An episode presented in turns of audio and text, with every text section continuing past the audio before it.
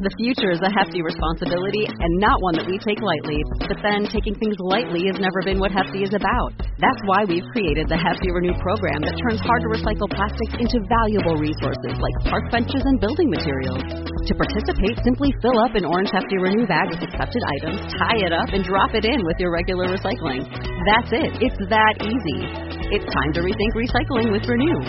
Particular valued resources may vary by geography. More info available at heftyrenew.com.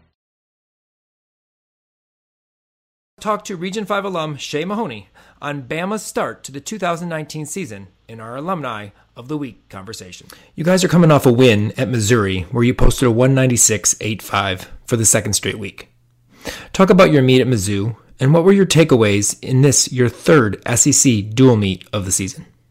Thought Mizzou was a super fun meet. Obviously, we're still chasing that 197 score, but we had some adversity heading into Mizzou, not having um, a lot of our girls physically able to compete. So it was really awesome to see a lot of people step into different roles for the first time, and it was really exciting to be able to watch them truly come into their own and just um, we, everything we do is for each other. Everything we do is for the best of the team. So we had that in mind the entire time, and uh, doing it for the girl next to you was the most important. And I was very happy that I was able to perform well for my team. Um, winning bars was obviously a great feat and doing well on vault and floor as well. So super happy with how Mizzou went and looking forward to this week. In your first two seasons, you competed the Maloney on bars, but have gone back to your Tkachev routine that you competed so successfully in club gymnastics. This has proven to be a great decision. What are your thoughts on the change, and how do you feel it has impacted your confidence and outlook on bars this season?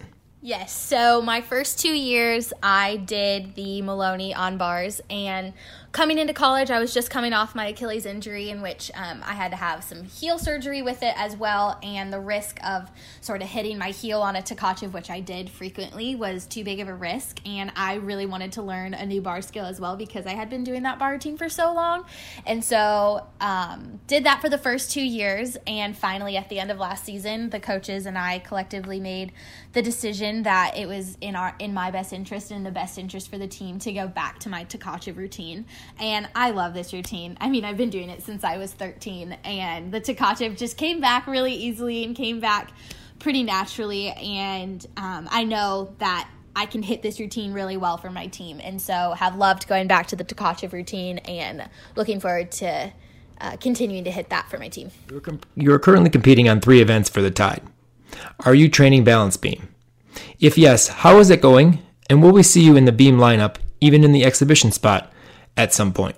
Well, I did love competing beam in club, and um, I am on three events for my team right now, and I actually have been training beam. I was finally able to add it back in this season. Um, unfortunately, you will not be seeing me on beam this upcoming year. Uh, after my Achilles tear my senior year, you know, uh, sort of working around my foot and working with my foot um, beam unfortunately causes a lot of pain for me, and that event just really does not cooperate well with my foot. And so, in the best, in the coaches um, always have our best interests at heart. And so, in my best interest and the best interest for the team, we decided to take Beam out for the remainder of the season. So maybe we'll bring it back next year. Who knows? But um, super excited to see how our Beam lineup continues to do super well this year. You are now an upperclassman for Bama with two years of experience under your belt. What are the most important things you have learned over your first two years of your collegiate career that continue to help you both in your own gymnastics and helping the team succeed? So, being an upperclassman, I've said this all year, and I really just kind of feel a little bit different. I feel like there's a really big difference between um, being a sophomore and being a junior, you know, sort of having that upperclassman status and knowing the ropes and knowing what this team and what this program is truly all about. And so this year, um, I truly have embraced um, the process. And I have embraced the process both of the years, but now I truly understand what exactly Alabama gymnastics process is all about. And so, being an upperclassman, I have just tried my very best to take what I have learned in my first two years of um, what competitions are like, what preseason is like, and adjusting to crazy things that can happen on meet days, always adjusting to the environment around you, being a really, really good teammate, learning that college gymnastics is only about the team. It's not about you, it's not about the individual anymore. And so, what I've worked really hard to do this season is just be a strong leader for my team, to encourage the girls around me, and just make sure I'm trusting the process always and always looking at the best of the team. And it's been super exciting to just see our team come together this year and feel like I can use my voice, feel that I can step up as a leader. Um, and it's just been a really fun year. Um, a lot of growth for me, a lot of different things happening. So it's been really fun to be an upperclassman and looking forward to next year as well. Your floor routine, in my opinion, is one of your best. How did you come to the decision to pick the music and what do you think is your favorite part of the routine? I love this floor routine this year. I told Dana at the end of last season that I really wanted a fun floor routine. Um, I've always loved floor, and my style of dance and style of gymnastics has always been very dancey and classical and pretty. And so this year, I told Dana I wanted a really fun routine that could showcase my personality and who I am. And uh, so Dana and I kind of played around with music all summer, and then finally she found this piece, and our awesome um, tech guys and her they cut it and put it all together, and I just absolutely fell in love with it, and it's given me a lot of confidence to just go out and perform and compete well, and so I love this floor routine, and it's definitely my favorite one I've ever had. You competed in the Super Six your freshman year, but sat in the stands as a spectator last season. The motto at Bama has always been be on the floor on that final meet for a chance to win. How did coming up a bit short in semifinals and watching Super Six last year motivate this team for this season? Obviously, sitting in the stands on the second day of the national championship last year was not the best feeling. You know, it is the goal every single year to be on the floor on the final night of competition competing for a national title. And, you know, it just wasn't our day. It was not the day for Alabama to make the Super Six. And, you know, heading into this year with four on the floor and that whole thing, obviously, there is added pressure and there is all that. But I think the most important thing that we took away from that was we don't really ever want to have that feeling again. And Alabama has just really upped our intensity and um, I would say just made our process a bit more intense and every single person has fully brought into this process. And so you know sitting and but it but it was also really neat to be able to watch those teams compete for a national title because you know we could have been doing that. We could have been on the floor. But I have so much respect for all the programs that were on the floor that night you know because everybody wants to be in that spot. And so I also just want to like give a shout out to all those teams that were on the floor because they were incredible that night. And the fight that every single team showed definitely lit a fire under Alabama gymnastics and just wanting to make us the best possible team we can be. So looking forward to just always giving a thousand percent every single chance we can, um, and hopefully, you know, do going all the way this year. Talk about what it's been like from your perspective to compete in the SEC week in and week out. How did competing in Region 5 help to prepare you for the high level of competition in the SEC? I absolutely love competing in the SEC. There's truly nothing like it. You know, Friday Night Heights is our favorite night of the week, and it's really fun because my roommate um, never misses a meet, and she lives. She's she like the motto of like Fridays are for gymnastics. She lives for that, and so it's always fun. And it's but it's really cool to see just how big of a deal SEC gymnastics is. I have loved competing in Region 5, and I think that um, the intensity of Region 5 competition, because Region 5 seriously has the most talented girls, and growing up and competing in Region 5 and always having to do your best. If you wanted to make nationals, if you wanted to be on that dream team, you had to bring your best that day.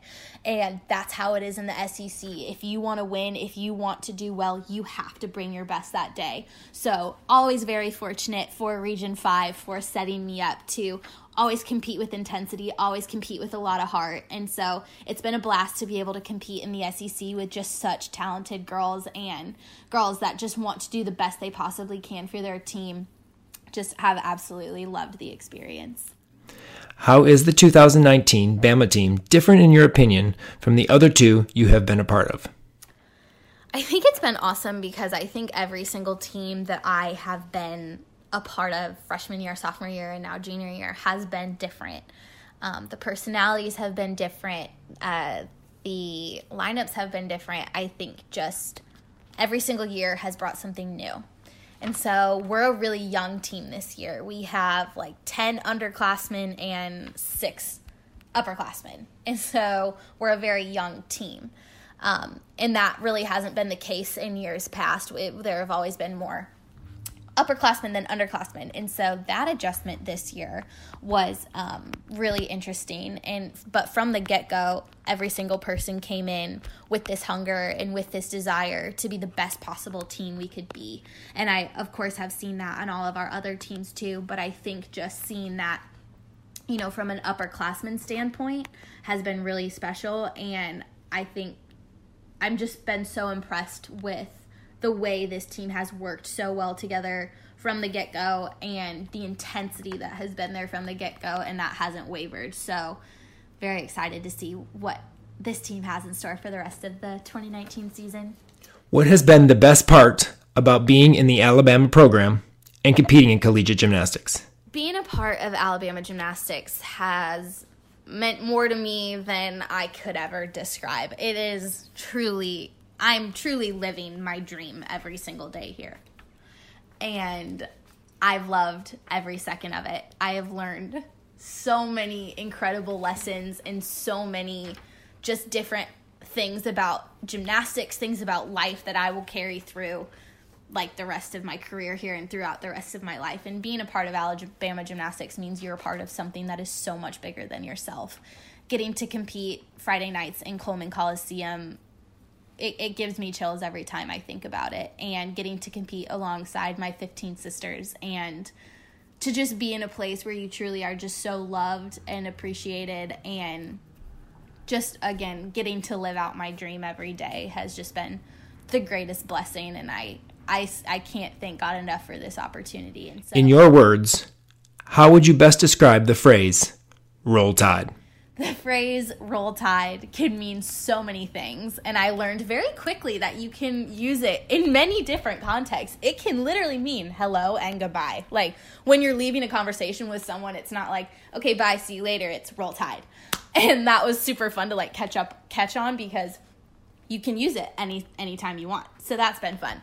But i think roll tide means tradition. I think roll tide means excellence. I think roll tide means a standard of which you should always hold yourself to. Roll tide is an honor to say, and to that, I have to say roll tide. For the ones who get it done, the most important part is the one you need now. And the best partner is the one who can deliver. That's why millions of maintenance and repair pros trust Grainger because we have professional grade supplies for every industry, even hard to find products. And we have same day pickup and next day delivery on most orders. But most importantly, we have an unwavering commitment to help keep you up and running. Call, clickgrainger.com, or just stop by. Grainger, for the ones who get it done.